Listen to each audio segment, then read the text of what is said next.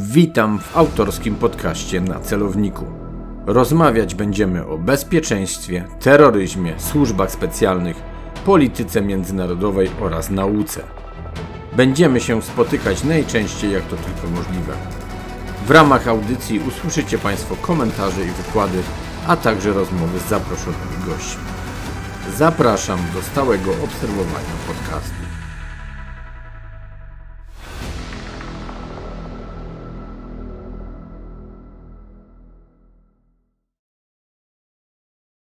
Przy mikrofonie Artur Dubiel, Wyższa Szkoła Bankowa. Dzisiaj naszym gościem ponownie jest podpułkownik Marcin Faliński. Witam serdecznie Marcinie. Dzień dobry. Szanowni Państwo, pułkownik Faliński był no, już ponad 50 odcinków temu naszym gościem. Także zachęcam do słuchania dziewiątego odcinka. To był odcinek marcowy, na samym początku marca, zaraz po, po, po tym wszystkim, co się znowu na Ukrainie zaczęło dziać. Rozmawialiśmy na różne tematy. Jeśli dobrze pamiętam, godzin, godzina interesującej rozmowy, interesującej oczywiście ze względu na gościa, nie na gospodarza. Tak sobie trochę pozwolę zażartować. Marcin, tak słowem wstępu, zanim przejdziemy właściwie do naszego najważniejszego dzisiaj tematu, powiedz mi, jak ty dzisiaj patrzysz na całą sytuację związaną choćby właśnie z tym konfliktem? No rozmawialiśmy grubo, grubo ponad pół roku temu, tak? Więc naprawdę wiele się zmieniło. Czy w twoim postrzeganiu rzeczywistości, w twoim patrzeniu na to wszystko, przy twojej szerokości kątów, twoich klapek na oczach, coś się bardzo wiele zmieniło? Pewne rzeczy się potwierdziły, o których myślałeś? Coś cię może zaskoczyło? Nie, to tak jak wtedy mówiłem, ten kąt patrzenia, w ten, ten sposób oceny sytuacji się nie zmienił.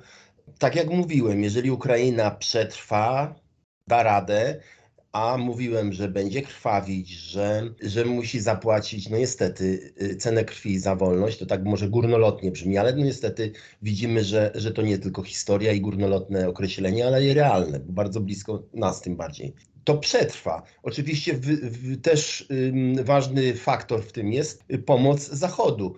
I to tak jak powiedziałem, informacja będzie się również liczyć i postawa Białorusi, którą oceniałem zawsze tak samo i tak samo do dzisiaj y, oceniam, mianowicie, że prezydent Łukaszenko y, boi się, nie chce, bo wie, że to będzie jego koniec, kiedy ruszy y, na Ukrainę oficjalnie.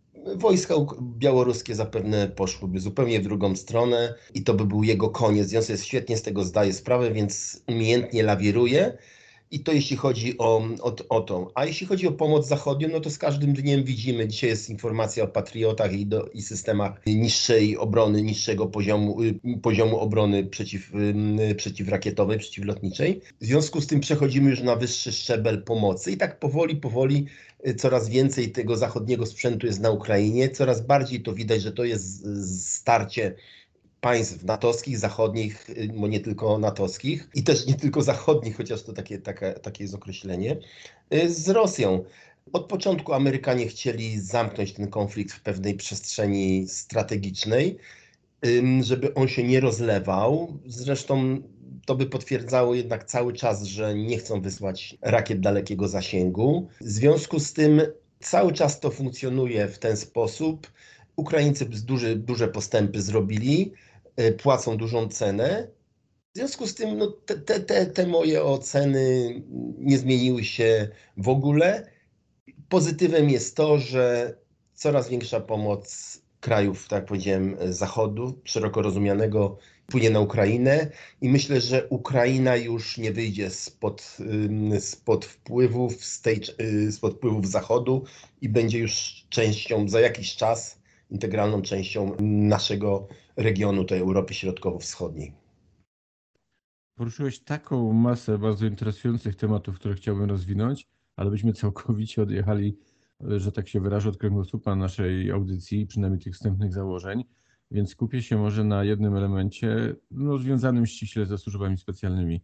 Nie tak dawno nasz kolega z branży, czyli Piotrek Herman, tylko że akurat z kontrwywiadu, a przynajmniej z taką przeszłością, Zapytany przeze mnie, jak raczej ocenia służby ukraińskie, czy one dzięki temu będą zapewniać Ukrainie lepsze te bezpieczeństwo wewnętrzne i te zewnętrzne, no to stwierdził, że niespecjalnie można wyciągać wnioski z czasu wojny. przełożeniu na czas pokoju. Podobnie to widzisz, czy też jakieś swoje masz przemyślenia i, i jakieś wnioski z tego wszystkiego, co Ukraińcy robią? Bo jakby nie, nie patrzeć, no oni bardzo mocną lekcję przez ostatnią, no niecałą może dekadę wyciągnęli nie tylko wojskowo, ale także pod kątem służb specjalnych i tych cywilnych, i tych wojskowych. Mam taką, taki, taki komfort, że nie muszę oceniać, ale również tak nie, nie mogę o wszystkim mówić. Tak bym to, to powiedział. Ukraińcy porządek ze służbami zaczęli robić od 2014 roku.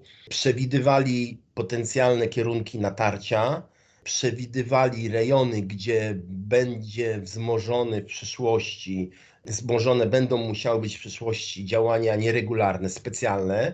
I to, jak widzę, wszystko się mm, pokrywa, zwłaszcza na kierunku południowym, czyli Krym. I oni odrobili lekcję, y, zacieśnili więzy z, z amerykańskimi, zwłaszcza służbami, ale nie tylko, też powiedziałbym natowskimi, ale też nie tylko, powiedzmy. W każdym razie poszli na dużą współpracę, duże, duże zaangażowanie sami też, też wykazują i wykazywali przez tych kilka lat, od 2014 roku.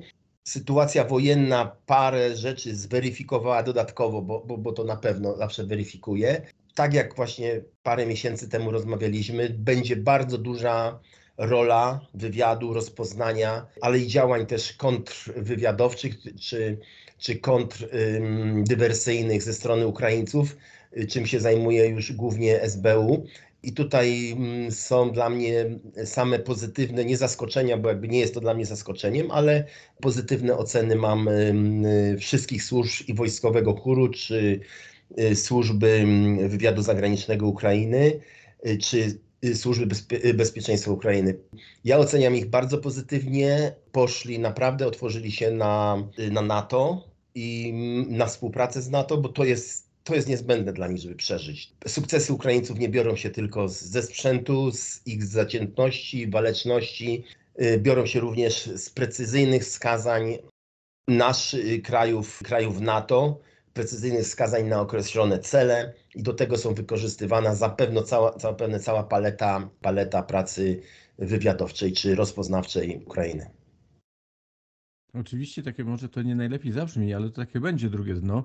Przecież tym wszystkim, co Ukraińcy teraz robią i jak w pewien sposób starają się wejść w taką kompatybilność z nami wszystkimi, tak? No to tak naprawdę ten potencjalne ich wejście do NATO może być w tym momencie bardzo krótkie, bo oni po tej wojnie de facto mogą być do tego wszystkiego zdecydowanie przygotowani. A mam takie pytanie dotyczące oczywiście dalej służb specjalnych.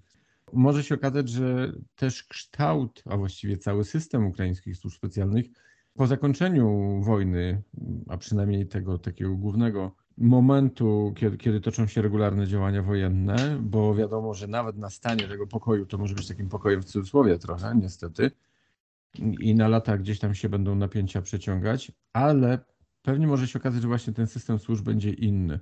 Ale trochę już też abstrahując od tego, czy on będzie taki sam, czy inny, wydaje się, że coraz częściej tak naprawdę skuteczny model działania będzie wtedy, kiedy i współdziałać i mocno się zmiksują, że tak się wyrażę dość kolokwialnie, zmiksują się i służby specjalne, i siły specjalne. Wydaje się, że to może być pewna forma przyszłości, bo wiadomo, jeżeli mocno rozdzielamy pewne funkcje e, najróżniejszych służb, no to potem czasem szwankuje gdzieś ta współpraca.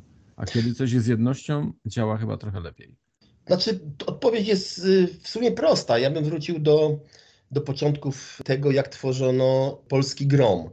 Y, jednostka specjalna grom wyszła z wywiadu. Y, generał Petylicki był oficerem wywiadu, os wiele osób y, było związane z wywiadem i w zamyśle była to jednostka, która miała współdziałać z wywiadem. I to mówię, to było lat temu 30 ponad, tak? W związku z tym okazuje się, że trzeba jednak wracać do starych, wypróbowanych rozwiązań. Te rozwiązania są y, funkcjonują w Wielkiej Brytanii, w Stanach Zjednoczonych, we Francji. W związku z tym wtedy dla nas to było dosyć, to było, no nie to zaskoczenie, ale, ale, ale to było pewne nowum. Odeszliśmy od tego, a, a teraz okazuje się, że połączone działania wielu służb, sił, instytucji czy tworzonych ad hoc różnych komponentów są najbardziej korzystne. Nie trwanie w pewnych skostniałych strukturach, które mają z góry założone granice swojej odpowiedzialności, tylko właśnie kombinowane wspólne działania. No niestety, tak jak chyba powiedziałeś, to takie stare, sztywne podziały na cywilno-wojskowe, na wywiad, konwywiad, na siły i na służby, no to potem powoduje też pewne problemy. Ale to też tak naprawdę postawi przed siłami, w sensie przed ludźmi, nowe wyzwania, bo trzeba być nie tylko ale i w głowie, ale i fizycznie coraz bardziej przygotowanym do tego wszystkiego. Ci, którzy byli fizycznie, będą musieli nadrabiać bardziej głową, ci, którzy bardziej głową do przodu byli, teraz będą musieli zresztą w pewien sposób, nie chcę powiedzieć, że nadrabiać, ale będzie musiało się to rozwijać.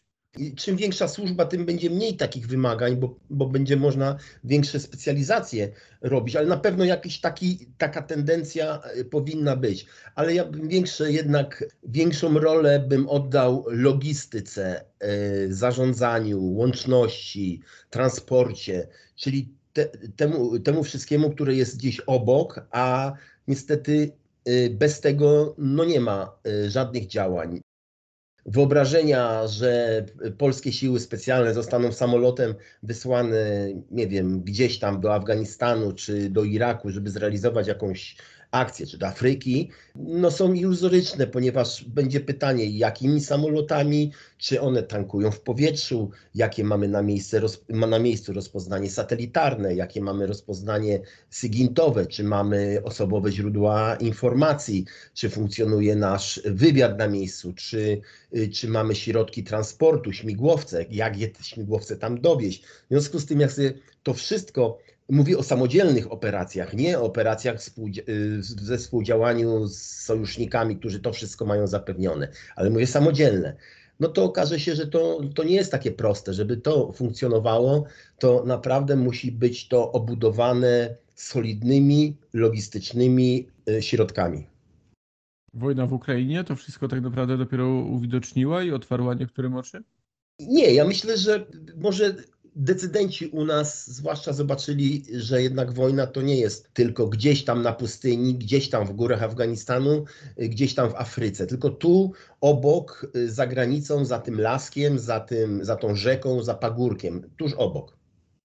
No, ja sobie pozwolę na mały przytyk, bo kiedy my wyjeżdżaliśmy w różne rejony świata, to politycy wpadali, tak, pod dietkę, jak to czasem sobie żartowaliśmy, żeby nas odwiedzić, ale kiedy, tak jak powiedziałeś, zaczyna to już być za płotem przysłowiowym, to perspektywa i, i patrzenie chyba trochę się zmienia, nie? Y, no tak, tak. No, y, chociażby te alarmowe, trochę chaotyczne zakupy sprzętowe, gdzie przez ostatnich 7 lat, ale nie tylko dotyczy tutaj ekipy, gdzie poprzednicy też popełniali wiele błędów w zakresie programów zbrojeniowych, no to pokazuje, no tak naprawdę mogliśmy się, tak jak Ukraińcy od 2014 roku, prawda, no oni się przygotowywali do, do tej wojny w różny sposób, no tyle co mogli, tyle co mieli możliwości, siły, służby, rozpoznanie, lotnictwo, to, to co mogli zrobić.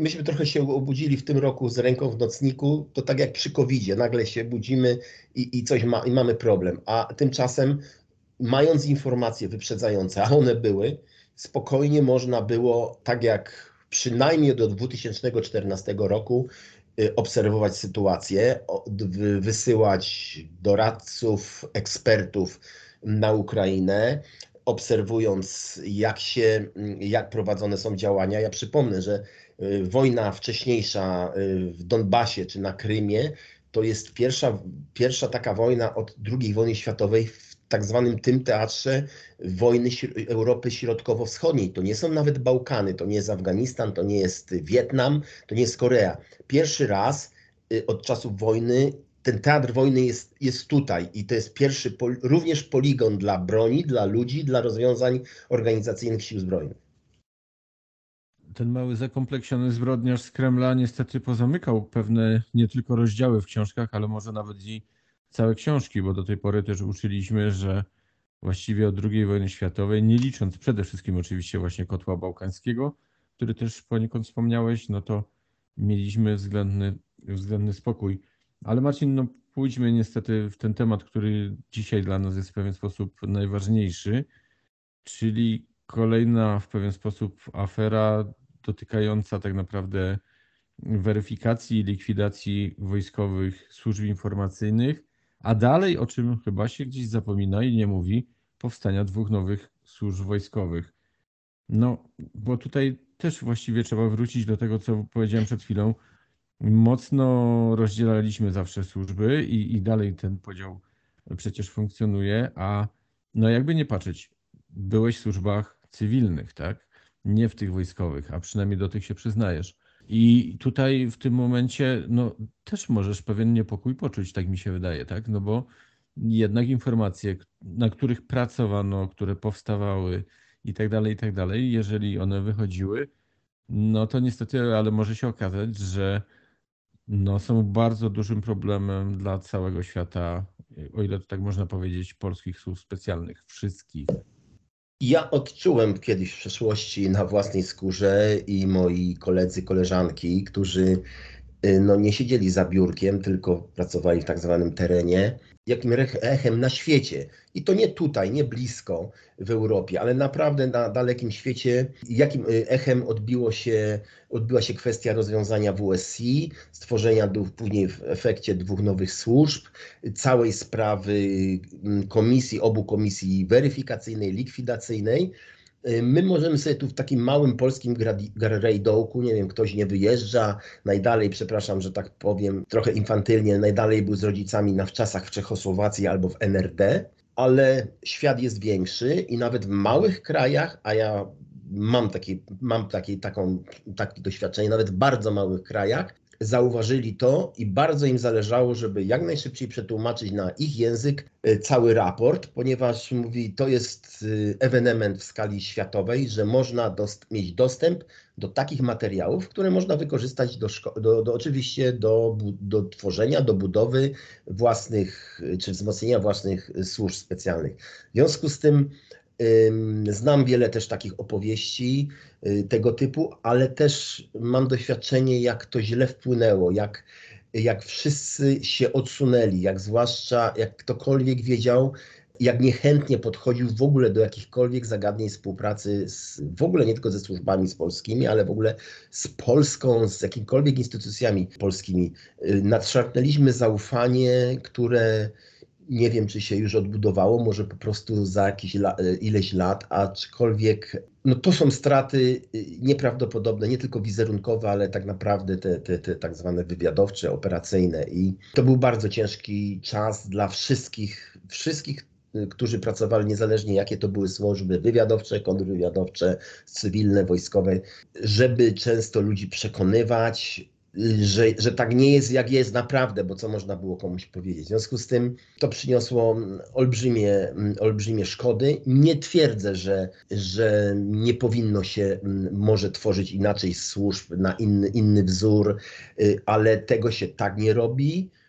Nie wylewa się dziecko z dziecka z kąpielą. Jeżeli były jakieś przypadki przestępstw, wprost powiem, to należało to indywidualnie ocenić. Jeżeli były podejrzenia o jakiekolwiek możliwości współpracy, to należało y, elegancko podziękować i powiedzieć, że teraz tworzymy innymi ludźmi na nowo i się rozejść z pokoju.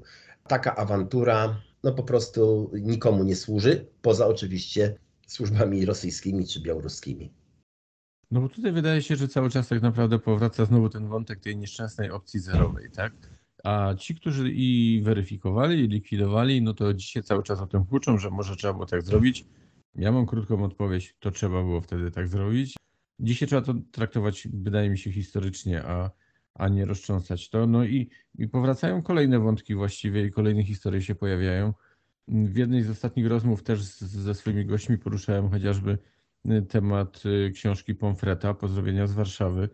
No bo przecież praktycznie osoba, która przewodniczyła amerykańskiej delegacji CIA, która miała ustalać właściwie zasady współpracy z, ze służbami polskimi, które zostały w pewien sposób prze, no i właśnie szukam słowa, bo nie chcę powiedzieć, że przekręcone, no ale jednak którym się optyka zmieniła, bo dawni sojusznicy stali się e, przeciwnikami, by nie powiedzieć wrogami, a, a dawni wrogowie sojusznikami. No i tam się okazuje, że też do zdrady dojść mogło, więc jak widać ten świat jest taki no, światem tych czarnych luster, tak? I tych podwójnych, zwłaszcza weneckich, i tak dalej, i tak dalej.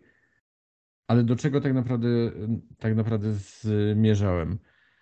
No bo tam pojawiały się pomysły, że może to trzeba zrobić właśnie nowymi ludźmi, nie opierać się na stałych.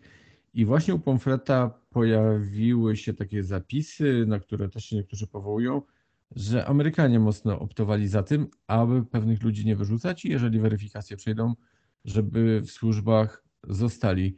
No, nie da się tak newralgicznego elementu, chyba jak służby specjalne, stworzyć z dnia na dzień od nowa i to w pełnym wymiarze wywiadu, kontrwywiadu, właśnie w tym sztywnym podziale też na cywilny i wojskowy.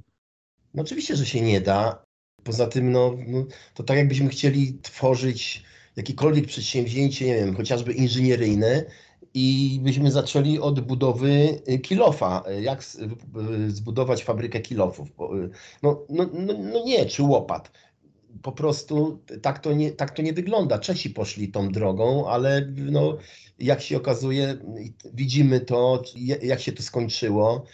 Ilość, chociażby widzieliśmy to, nie wiem jak teraz, ale jakiś czas temu, ilość rozpoczęciem wojny, ilość dyplomatów rosyjskich w ambasadzie w Pradze był naprawdę ta ilość była olbrzymia, nieadekwatna absolutnie do wielkości placówki kraju i relacji. W związku z tym Czesi sobie, mm, Czesi i tak idealistycznie trochę w ich stylu wymyślili, że, że to będą tylko służby informacyjne, trochę takie z białego wywiadu, yy, taki dawne nasze biuro analiz informacji i to wszystko. No i szybko się przekonali, jak to wygląda. No, czy, czy ja bym chciał z takimi służbami współpracować? No nie, no niekoniecznie nie da się od początku. U nas jest taka tendencja, żeby to od początku tworzyć i do dzisiaj się pojawiają różni mm, szarlatani, y, tylko pytanie jest, dlaczego oni to robią?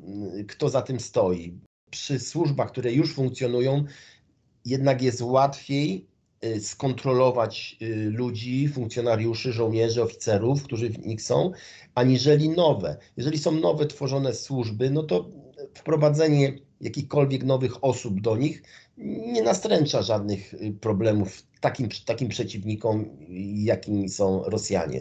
W związku z tym to jest nic gorszego, co mogłoby się zdarzyć, y, tworzenie mm, od nowa y, służb, mając doświadczenia, a Polacy mają, ja nie mówię o tradycji, którą mamy bardzo dużo, tradycji od służb austro-węgierskich, po przedwojenne, po dwudziestolecie międzywojenne, no mamy niestety też później pod, pod, w latach 30. No, wiele porażek, ale i wiele sukcesów i powojennych. Także budowa na takiej tradycji, na pewnych zdolnościach, na, bo, bo trzeba opierać się o coś, wychowując młodych, młody narybek. Mieliśmy, więc wyrzucanie wszystkiego, no to jest, to jest po prostu, to jest robota, to jest robota sprzyjająca naszym przeciwnikom. W całej tej aferze teraz, którą w pewien sposób żyjemy, no, pojawia się postać pana L, tak, może dla świętego spokoju tak o nim mówmy, ale niekoniecznie tak naprawdę to mogło, mógł być jedyny wtyk, że tak się wyrażę. I ostatnio, zdaje się w RMF-ie w porannej audycji był żart, kiedy padło hasło, no bo wiadomo, dwie strony polityczne bardzo mocno zaczęły się okładać w temacie całej afery i zatrzymania i pewnych informacji, które medialnie się pojawiały. No i panowie na antenie sobie zażartowali. Zwłaszcza zdaje się, że to jeden z kabareciarzy był, który powiedział, a może nikogo nie było, kto z tymi Rosjanami współpracował, a może w sumie były te grupy dwie. I tak niby zażartował, ja tak jechałem samochodem, tak sobie pomyślałem, o czym powiedział. Dołożyłem trochę swojego w swojej głowie i stwierdziłem, że o, może o pewnych rzeczach nie pomyślałem, a może się okazać, że de facto tych osób faktycznie tak naprawdę tam było więcej, no bo umówmy się, no nie wydaje się, żeby w tak dużym organizmie, bo mówimy o wszystkich służbach, że Rosjanie mieli tylko jednego człowieka, który nie tylko w danej służbie mógł być, ale właśnie brał udział w pewnego rodzaju jej formowaniu czy docieraniu do najróżniejszych tajemnic, bo nie możemy zapominać tak naprawdę, jakie role pan L pełnił, tak? Bo to nie jest tylko kwestia samej komisji, w której zasiadał, bo to był potem jeszcze Urząd do Spraw Kombatantów, a ostatecznie Urząd Stanu Cywilnego, który też przez niektórych dziennikarzy chyba ta rola była umniejszana, a jak się okazuje, i od początku właściwie takie wnioski można było wyciągnąć, no idealne miejsce na uplasowienie tam osoby i Vincent Sewerski przecież też w swojej powieści podobny zresztą wątek przecież zamieścił. To jeśli chodzi o powieści, to w powieści naszej Operacja Retea jakby jest cały mechanizm tego pokazany właśnie wprowadzania czy plasowania takich osób w Polsce. Mało tego, nawet udało nam się, no taka zbieżność w tym samym środowisku y, to funkcjonuje. I ja teraz tak już obserwuję od wybuchu tej afery, że narracja osób broniących, czy powiedzmy nie wprost broniących, ale widzę, w którą stronę idzie taka narracja, mianowicie nie wybielania czy trywializowania jego, tego pana L y, możliwości, ale też przesuwania tego okresu który, współpracy z Rosjanami jak najwyżej żeby jak najdalej odsunąć podejrzenia czy jakąkolwiek dyskusję, również publiczną, na temat środowiska, grupy. Jeżeli pani szefowa kancelarii mówi, że to było około 20 osób, które przyszło, tego typu osób, i to jest tylko pada słowo tego typu, to chciałbym wiedzieć, co to są za osoby, kim są ich rodzice, skąd oni się tu wzięli, dokładne sprawdzenie. Mówię, wzięli się w Polsce, wzięli się w Warszawie, wszystko jedno. Absolutnie nie dopuszczam takiego podejścia, że to jest jakiś oferent, to był facet, który zobaczył, że może sobie na tym zarobić, przechodził gdzieś tam koło ambasady i zaproponował, że on ma jakąś dużą wiedzę. Myślę, że to była bardzo, to była operacja, która na pewno nie, nie była prowadzona wobec jednej osoby, po, pochodzenie tej osoby, pana L, jest ewidentne, ewidentnie można było to zaprojektować i można było idealnie wpasować y, w sytuację. To jest tak, jakbyśmy teraz sobie zadali pytanie, gdzie Rosjanie w tej chwili lokują y, swoją agenturę. Tak samo, gdybyśmy się cofnęli te ileś lat, kiedy kariera pana L się zaczynała, co on robił, kim on był, on i jego znajomi, jego przyjaciele. Potem cała grupa mówi się, że została do, do Lecha Kaczyńskiego y, przeniesiona. Cała grupa, czyli była grupa, może ona była jeszcze większa, może było w, nich, w, niej, w niej wśród tej grupy jeszcze więcej osób. Czyli była jakaś baza, w którą można było wprowadzić ludzi, najlepiej wprowadzić już zawerbowanych, albo nie chcę nawet o tym mówić, że nawet nielegalów, lub werbować wtedy chociaż to, chociaż to by było na pewno łatwiejsze by było wprowadzenie ludzi, jakby ich za programowanie na pewne typy określeń ideologicznych, politycznych, historycznych itd. Tak I myślę, że tu by trzeba szukać odpowiedzi, ale nie szukać odpowiedzi, że to jest tylko taki krótki wycinek jego paru lat pracy ostatnich.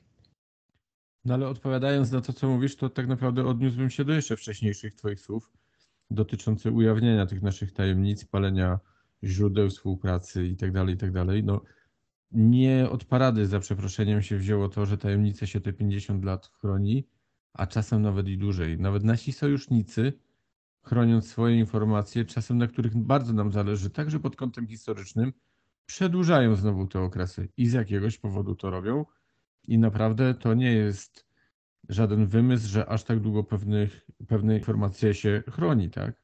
Oczywiście, no przykład y, katastrofy gibraltarskiej, czy inni mówią zamachu, to jest, to jest taki sztandarowy przykład, bo można sobie wyobrazić, jest 89 rok, 90, Polska wolność otrzymuje i co Brytyjczycy mówią, a teraz my wam powiemy, jak ci Niemcy albo ci Sowieci załatwili wam Sikorskiego. Ale co oni mówią? Nie, nie, my nie możemy mówić, czyli Czyli nie są to ani Sowieci, ani Niemcy. To jest pewne, prawda? Pytanie brzmi kto?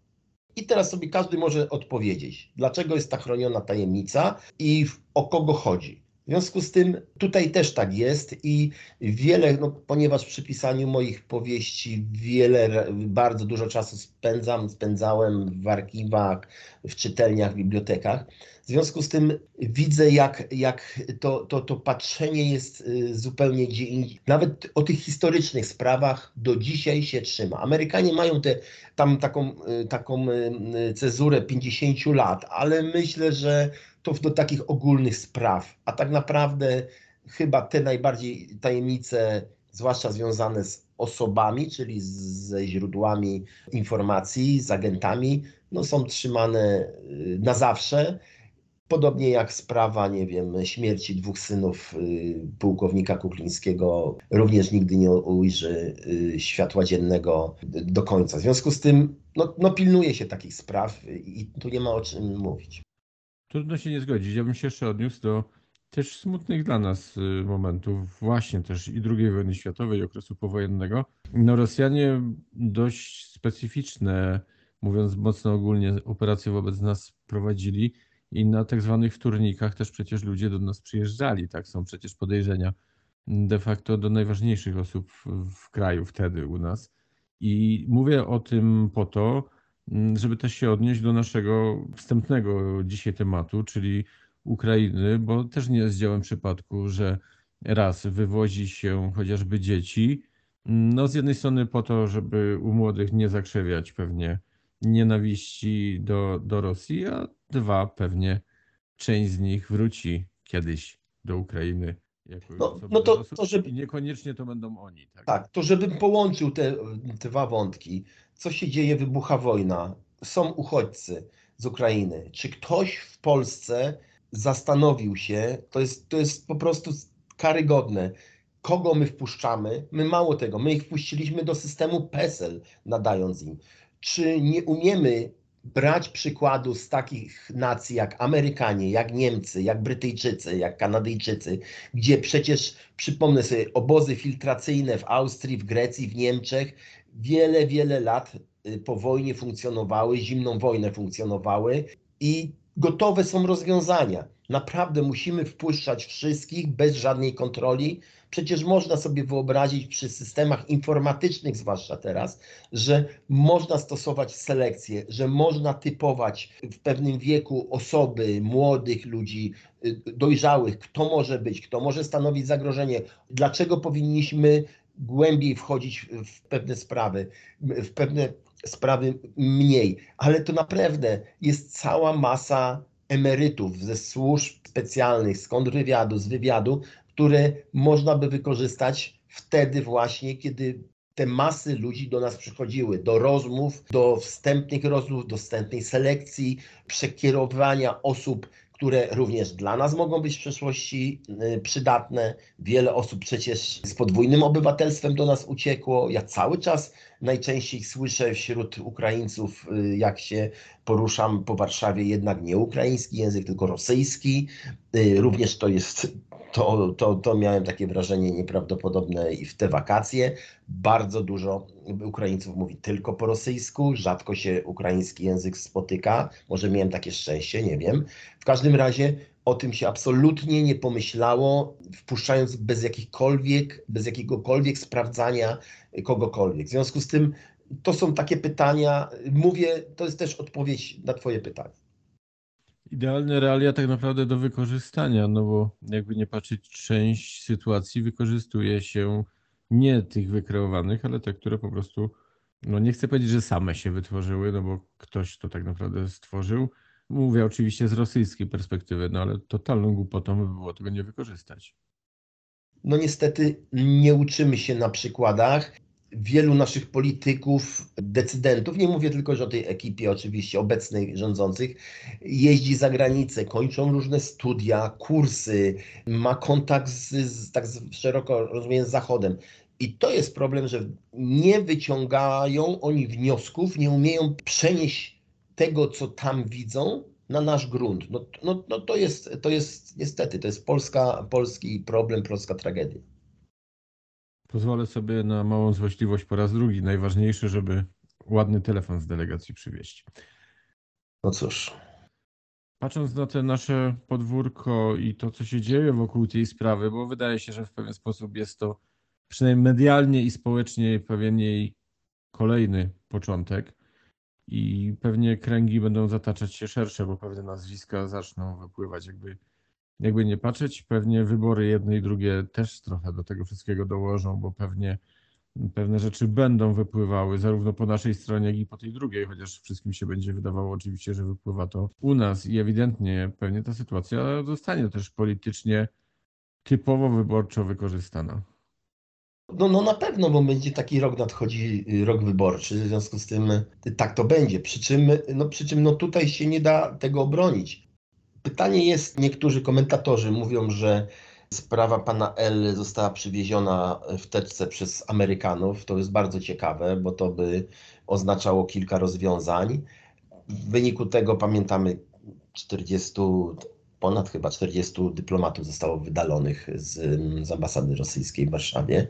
W związku z tym zobaczymy. Myślę, że jeżeli śledczy, jeżeli prokuratura, jeżeli funkcjonariusze w ABW nie będą się bać, nie y, będą mieli jakiś jeszcze kręgosłup zachowany, jeżeli decydenci ich pozwolą, to sprawa powinna być, no jak to się mówi, wypalona do żywego gorącym żelazem, nie patrząc na to, jakie skutki, jakie, jakie straty przynosi danej, y, danej formacji politycznej, aczkolwiek no, jestem sceptyczny do tego, ponieważ wiadomo, jakieś środowisko za tym stoi ale myślę, że to, to powinno się stać, ponieważ jeżeli się teraz nie stanie, to stanie się to na pewno za, e, po przejęciu władzy przez inną partię polityczną i tutaj na pewno dalej to będzie ciągnięte. A może nie, bo nie wiemy cały czas, kto naprawdę, kto kogo wspierał, kto, komu, kto kogo delegował, kto kogo plasował.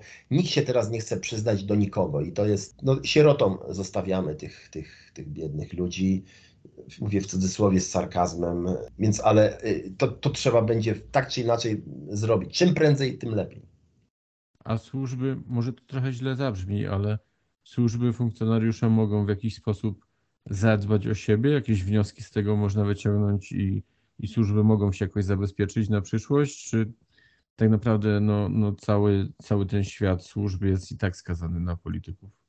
No niestety służby działają na polecenie polityków, ale to politycy, no w Polsce tak jest, że albo się boją poli y, służb, politycy i są jak najdalej od nich, najlepiej jakby nie istniały, tak mówię w cudzysłowie oczywiście, a druga, są też takie, takie ciągotki, żeby służby były wszechmocne i wszech, wszechmocne i działające nawet poza, poza, poza prawem, mówię w Polsce. W związku z tym Oba rozwiązania są, są niedobre. Służby powinny działać na zapotrzebowanie polityków, na zapotrzebowanie władzy, powinny mieć bardzo wąsko określone zadania, a zwłaszcza to przy wywiadzie jest e, niezwykle istotne i w sumie proste do, e, do zrealizowania. Czy znajdą się w końcu, czy dożyjemy takie, takich systemów władzy, która będzie Y, korzystać ze słów, że będzie, rozumieć, y, będzie rozumiała, że to są oczy, uszy naszego państwa, nie partii politycznej, nie konkretnego rządu, tylko szerzej, że działa, że służby działają dla, y, górnolotnie to brzmi, dla narodu. No mam nadzieję, że kiedyś, kiedyś tak będzie. Oby. A patrząc na to wszystko, bo przecież y, oczywiście służby te swoje podziały mają, mają swoje kompetencje, mają swoje zadania, ale jakby nie patrzeć, no w pracy, za szczególnym uwzględnieniem oczywiście tej operacyjnej, otrzymuje się najróżniejsze informacje. I no niektóre oczywiście gdzieś się komuś oddaje, inne zachowuje się dla siebie. Jedne są bardziej przydatne, drugie mniej. Niemniej, no, świat służb cywilnych przejmuje pewne informacje, które mogłyby się temu światu wojskowemu przydać i na odwrót. Więc niewykluczone, że w szukaniu pewnych rzeczy, oczywiście w trakcie prac tych obu komisji, pewne rzeczy dotyczące też tak naprawdę służb cywilnych mogły, mogły wypływać. Przypominam e, naszym słuchaczom, że służyłeś nie tylko w Agencji Wywiadu, ale wcześniej też w Urzędzie Ochrony Państwa, czyli w służbie, która wcześniej została też w pewien sposób przeformowana, zanim zabrano się za te służby wojskowe zadając takie dość, bym powiedział, proste pytanie, obawiasz się dzisiaj o siebie, o, o tych, którzy z tobą kiedyś współpracowali, o, o swoje źródła? Nie, no to już jakby ja zostawiam to, to za sobą. Trudno o tym cały czas myśleć. Ja, ja może raczej przewrotnie powiem, że myślę, że y, zmiany w służbach przyjdą i pójdą one y, w takim kierunku, jaki jest najbardziej rozsądny, logiczny w, w naszym położeniu geostrategicznym Polski, mianowicie jednak jednego wywiadu, który realizuje jedne cele wywiadowcze. Na pewno służby kontrwywiadu Krajowego i Służby Kontrwywiadu Wojskowego, bo to jest duża specyfika, czyli powrót, powrót do pewnych rozwiązań, które kiedyś funkcjonowały w Polsce. Pytanie jest oczywiście o tak zwane polskie NSA, czyli służbę rodzaju wywiadu radioelektronicznego, na słuchu y, radioelektronicznego, ponieważ to jest bardzo kosztowna, mm, kosztowna instytucja. Sądzę, że w najbliższym czasie nie będzie to możliwe utworzenie tego. Były próby y, wcześniej tworzenia takiej instytucji. I to by był jedyny, jedyny ewentualnie element, który mógłby być jeszcze wyłoniony, ale myślę, że nie szybko. W związku z tym musimy dostosować służby w przyszłości do, do, do wyzwań, ale i do pewnego charakteru do, i charakteru naszego, naszej państwowości, charakteru i ludzkiego, narodowego. Myślę, że te czynniki powinny zagrać. Ja generalnie no nie przejmuję się tak, nie, nie mam jakichś specjalnych, specjalnych obaw y, o, o problemy. Mówię z mojego punktu widzenia, bo jednak y, instytucja, w której pracowałem, Agencja Wywiadu, zachowała bardzo jak na standardy obecne bardzo duże, dużo, tak powiem, tego, tej tkanki z przeszłości. O, tak bym to nazwał. Czyli jakieś elementy pozytywne wydaje się, że można by z Twojej wypowiedzi wyciągnąć. To na koniec muszę zapytać, bo jesteś nie tylko byłym oficerem, chociaż niektórzy mówią, że oficerem się zostaje już na całe życie, ale teraz jesteś pisarzem. To kiedy nowa książka? Nowa książka już e, w lutym. Ona będzie nieco kontynuacją właściwie losów jednego z bohaterów poprzedniej w Czerwonej Sieci, polskiego nieleugała, którego ścigają radzieckie i rosyjskie służby po całym świecie. Ale jest to też swoisty requel e, do operacji do trylogii poprzedniej, ponieważ spotykamy tam bohaterów, bohatera nawet jednego, ale i również takich trzecio-czwartoplanowych bohaterów z poprzedniej, z, z trylogii. I co ciekawe, tak jak mówimy z Rafałem, z którym to napisaliśmy, Rafałem Barnasiem, y, jest to powieść dosyć biegowsko-marynistyczna, to na pewno będzie coś ciekawego dla czytelników. To już będzie Twoja piąta książka. Oczywiście w opisie odcinka wszystkie te książki Państwu podamy. Dzisiaj moim i Państwa gościem był podpułkownik Marcin Faliński. Bardzo serdecznie Marcinie dziękuję i nisko się kłaniam. Dziękuję, do widzenia, no i życzę wszystkim wesołych świąt i spokojnego i szczęśliwszego nowego roku. I do tych życzeń dokładam się i ja. Bywajcie zdrowi, bywajcie bezpieczni. Kieruj się w stronę podcastu na celowniku. Wszystkie odcinki podcastu na celowniku dostępne są w platformach podcastowych Spotify, Apple Podcast, Google Podcast, Anchor, a także w serwisie YouTube. Zapraszam również do wspierania podcastu na celowniku w portalu Patronite pod adresem patronite.pl ukośnik na celowniku.